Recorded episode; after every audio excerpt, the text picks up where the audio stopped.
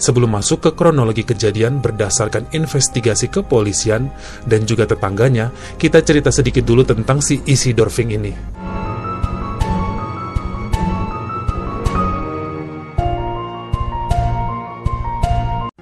Isidor Fink merupakan anak tunggal yang berasal dari Galicia di negara Polandia. Isidor ini tidak pernah mengecap bangku sekolah. Ibunya meninggal dunia saat dia berusia tujuh tahun, disusul kematian ayahnya pada saat dia berusia sepuluh tahun. Sejak saat itu dia pun bekerja sebagai pembantu rumah tangga. Beranjak remaja, dia mulai bekerja pada sebuah binatu atau laundry pakaian sebagai pembersih dan pengantar pakaian yang sudah rapi. Majikannya sangat baik katanya kepada dia. Dia diajarkan bagaimana cara baca, tulis, serta berhitung. Saat usianya sekitar 20 tahunan, Isidor Fink dibawa pindah oleh majikannya ke New York, Amerika Serikat. Hingga 10 tahun kemudian dan memiliki cukup tabungan, Isidor membuka usaha laundry kecil-kecilan di 4 East 132nd Street, kota New York, yaitu sebuah apartemen bertingkat. Namun, Isidor menyewa satu lantai paling dasar yang digunakan untuk usaha laundry serta tempat tinggalnya. Sang pemilik apartemen, Mark Schwartz, mengatakan Isidor Fink adalah pribadi yang baik, kalem, penyendiri, tenang, tidak punya pacar, dan ramah. Bisnis laundry dijalankan sendiri olehnya tanpa karyawan, jadi dia mencuci, menyetrika, dan mengantarkan pakaian itu semua sendirian.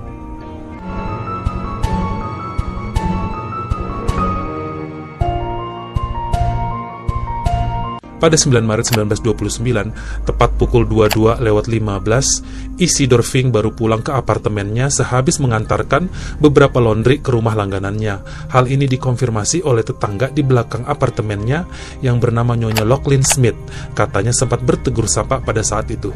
Sedikit cerita bentuk laundry Isidor ini, saya gambar pakai pulpen ya, maaf kalau jelek.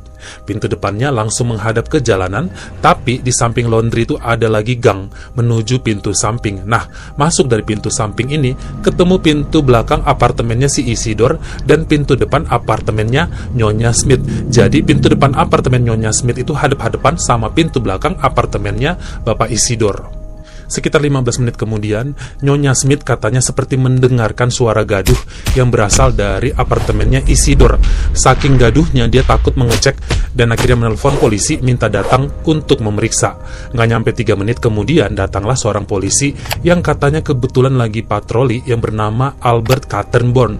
Lalu Bapak Albert ini katanya mencoba untuk menggedor-gedor pintu laundrynya Isidor bersama Nyonya Smith dan beberapa tetangga lainnya.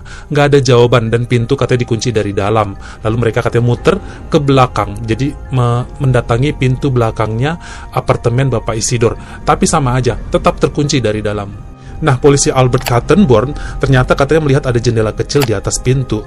Jadi jendelanya itu tipis dan terbuka. Engselnya sepertinya emang rusak.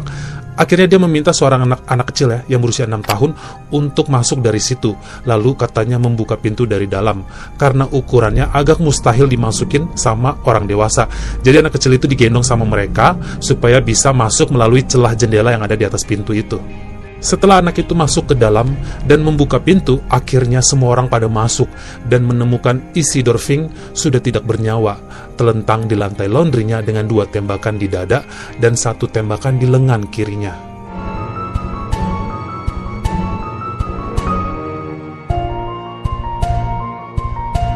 Sekarang kita akan membahas fakta dan temuan seputar kasus meninggalnya Isidor Fink ini. Yang pertama, Isidor Fink membuka laundrynya bisa sampai tengah malam katanya jadi jam 12. Walaupun begitu, mulai jam 8 malam dia sudah mengunci laundrynya. Jadi langganan yang udah dikenalnya aja yang akan dibukakan pintu untuk masuk. Ini seperti menunjukkan bahwa kemungkinan orang atau pelaku adalah sosok yang sudah dikenal oleh Isidor. Bisa jadi langganannya dia atau mungkin tetangganya. Yang kedua, kondisi laundry dan apartemen tempat Isidor tinggal, jadi depannya kan laundry, di belakangnya ya disekat gitu ada dapur serta kamar dia tidur. Itu semua dalam keadaan rapih, seperti habis tidak ada orang berantem atau kegaduhan yang terjadi. Yang ketiga, Nyonya Locklin Smith yang berada di belakang apartemen Isidor mengatakan mendengar suara tembakan saat itu. Namun, tetangga sebelah kanannya mengatakan tidak mendengar suara tembakan, cuma ngedengar suara gaduh dan orang yang sedang berteriak aja. Right. Yang keempat, berdasarkan kondisi setrika yang ditemukan masih panas saat itu, diduga Isidor ini ditembak dalam keadaan sedang bekerja, jadi saatnya trika. Yang kelima, yang kelima ya, ada dua luka di dadanya Isidor dikatakan dia ditembak dari jarak jauh. Namun, satu luka di tangan kirinya lumayan membingungkan, ada bekas bakar dan mesiu. Ini seperti menandakan tangannya itu ditembak dari jarak yang cukup dekat, bahkan bisa dibilang dalam kondisi pistolnya itu nempel di tangan. Jadi lumayan kontra dengan luka luka yang ada di dadanya. Yang keenam, tidak ditemukan pistol di mana-mana, baik di laundry dan juga di ruang tidurnya, dan juga tidak ditemukan sidik jari orang lain di semua tempat kecuali sidik jari milik Isidor Fink sendiri. Kalau tes DNA dulu belum ada, baru dipakai di kepolisian sekitar tahun 1980-an. Yang ketujuh, pintu dan juga jendela, baik yang di depan bagian laundry maupun yang di bagian belakang dan juga jendela belakang, semua dalam keadaan terkunci dari dalam, bahkan semua jendela dalam keadaan dan katanya terpaku dari dalam. Yang kedelapan, pemilik apartemen, Mark Schwartz maupun Nyonya Locklin Smith mengatakan isi Dorfing ini orangnya sangat pendiam dan juga ramah, mustahil untuk punya musuh. Bahkan untuk bergaul dengan tetangga aja jarang karena sibuk untuk ngurusin laundrynya sendirian. Ini seakan sulit menemukan motif jika ada orang yang berencana untuk membunuh dia. Apalagi si Isidor ini kan katanya perantau dari negara Polandia. Jadi dia itu orangnya dikatakan sangat penurut sama hukum setempat dan takut sama pemuda atau orang-orang setempat. Istilahnya dia nggak berani cari musuh lah di negeri orang.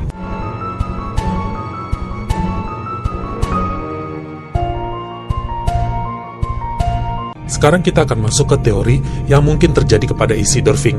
Yang pertama, bunuh diri. Jadi di awal investigasi polisi, mereka meyakini Isidor Fink ini menembakkan dirinya ke lengan kiri. Itu makanya seperti ada bekas bakar dan mesiu di sekitar luka. Namun ini sulit menjelaskan mengapa luka tembak di dadanya itu berasal dari jarak jauh, katanya minimal adalah 1 meter. Namun banyak pakar bilang, sangat mustahil orang yang niat bunuh diri nembaknya ke tangan. Kenapa nggak sekalian ke kepala aja, udah pasti mati. Lalu ke mana pistolnya pergi? Apa mungkin dia sempat ngebuang keluar, lalu masuk lagi katanya ngunci pintu? Terus, kenapa harus terdengar suara gaduh yang mengganggu tetangga jika memang berniat untuk bunuh diri? Yang kedua, korban perampokan. Sebagian percaya ada yang masuk ke apartemen Isidor Fink, berniat merampok rumahnya.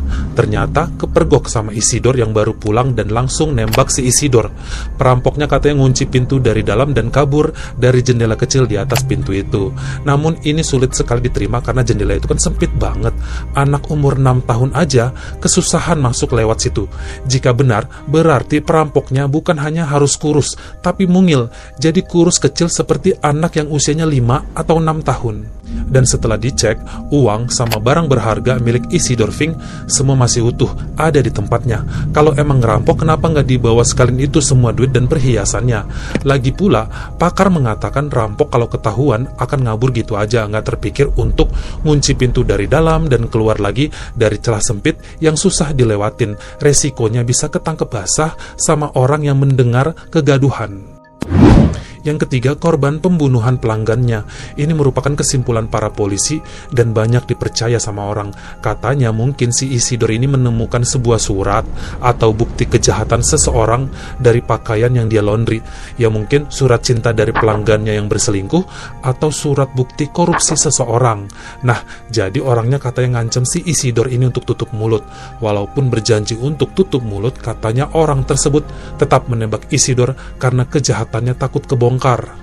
Seorang penulis, Ben Hetz, percaya akan teori ini dan menuliskan dalam buku kompilasi Selected Great Stories The Mystery of Fabulous Laundryman pada tahun 1954. Katanya si Isidor ini ketemu sama orang tersebut di pintu samping. Setelah janji tutup mulut, orang itu malah nembak si Isidor.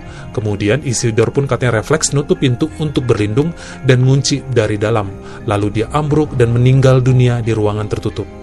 Ini lumayan masuk akal sih, tapi harusnya ditemukan ya tetesan darah si Isidor dari dada ataupun tangannya ya di dekat pintu samping gitulah. Lagi pula jika memang kejadiannya di pintu samping, berarti itu kan di depan rumahnya si Nyonya Smith. Harusnya suara tembakan itu jelas banget, bukan samar-samar seperti yang dibilang sama Nyonya Smith. Yang keempat, Teori ini dipercaya sama pecinta konspirasi, dan saya juga jadi ikutan percaya bahwa yang membunuh Isidor Fink adalah petugas pertama yang datang setelah Nyonya Smith menelpon polisi, yaitu Albert Kattenborn.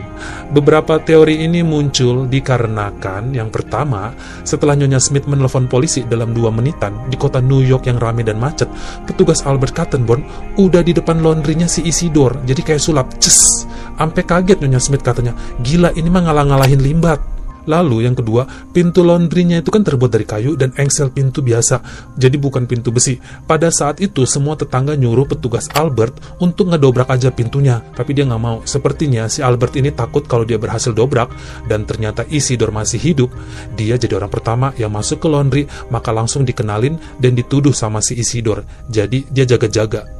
Yang ketiga, tetangganya kan udah teriak, ada suara tembakan dan gaduh. Percaya banget Isidor ini dibunuh dan dirampok. Kenapa? Petugas Albert berani nyuruh anak kecil masuk ke sana duluan. Apa dia nggak mikir pelakunya mungkin masih di dalam dan bisa membunuh anak kecil itu? Di sini kelihatan banget bahwa petugas Albert ini udah tahu di dalam itu cuma ada mayat Isidor dan anak kecil itu bakal aman jika dimasukin ke sana duluan. Setelah anak kecilnya masuk dan membuka pintu, ternyata tetangga-tetangga duluan yang masuk ke laundry dan memeriksa tempat itu. Petugas Albert katanya menelpon temannya minta dikirimin ambulans sambil mengawasi apakah Isidor sudah benar-benar meninggal. Kalau masalah motif, katanya bisa sama dengan yang tadi. Mungkin Isidor menemukan sesuatu di pakaian Albert Cattonborn tentang suatu skandal, karena ternyata di buku laundry si Albert ini merupakan salah satu pelanggannya si Isidor juga. Bagaimana menurut kamu? Teori mana yang kamu percaya? Atau kamu punya teori lainnya yang belum saya jabarkan supaya teman-teman yang lain juga bisa tahu? Kamu komen di bawah. Namun sampai saat ini ya kasus terbunuhnya Isidor Fink masih belum terungkap.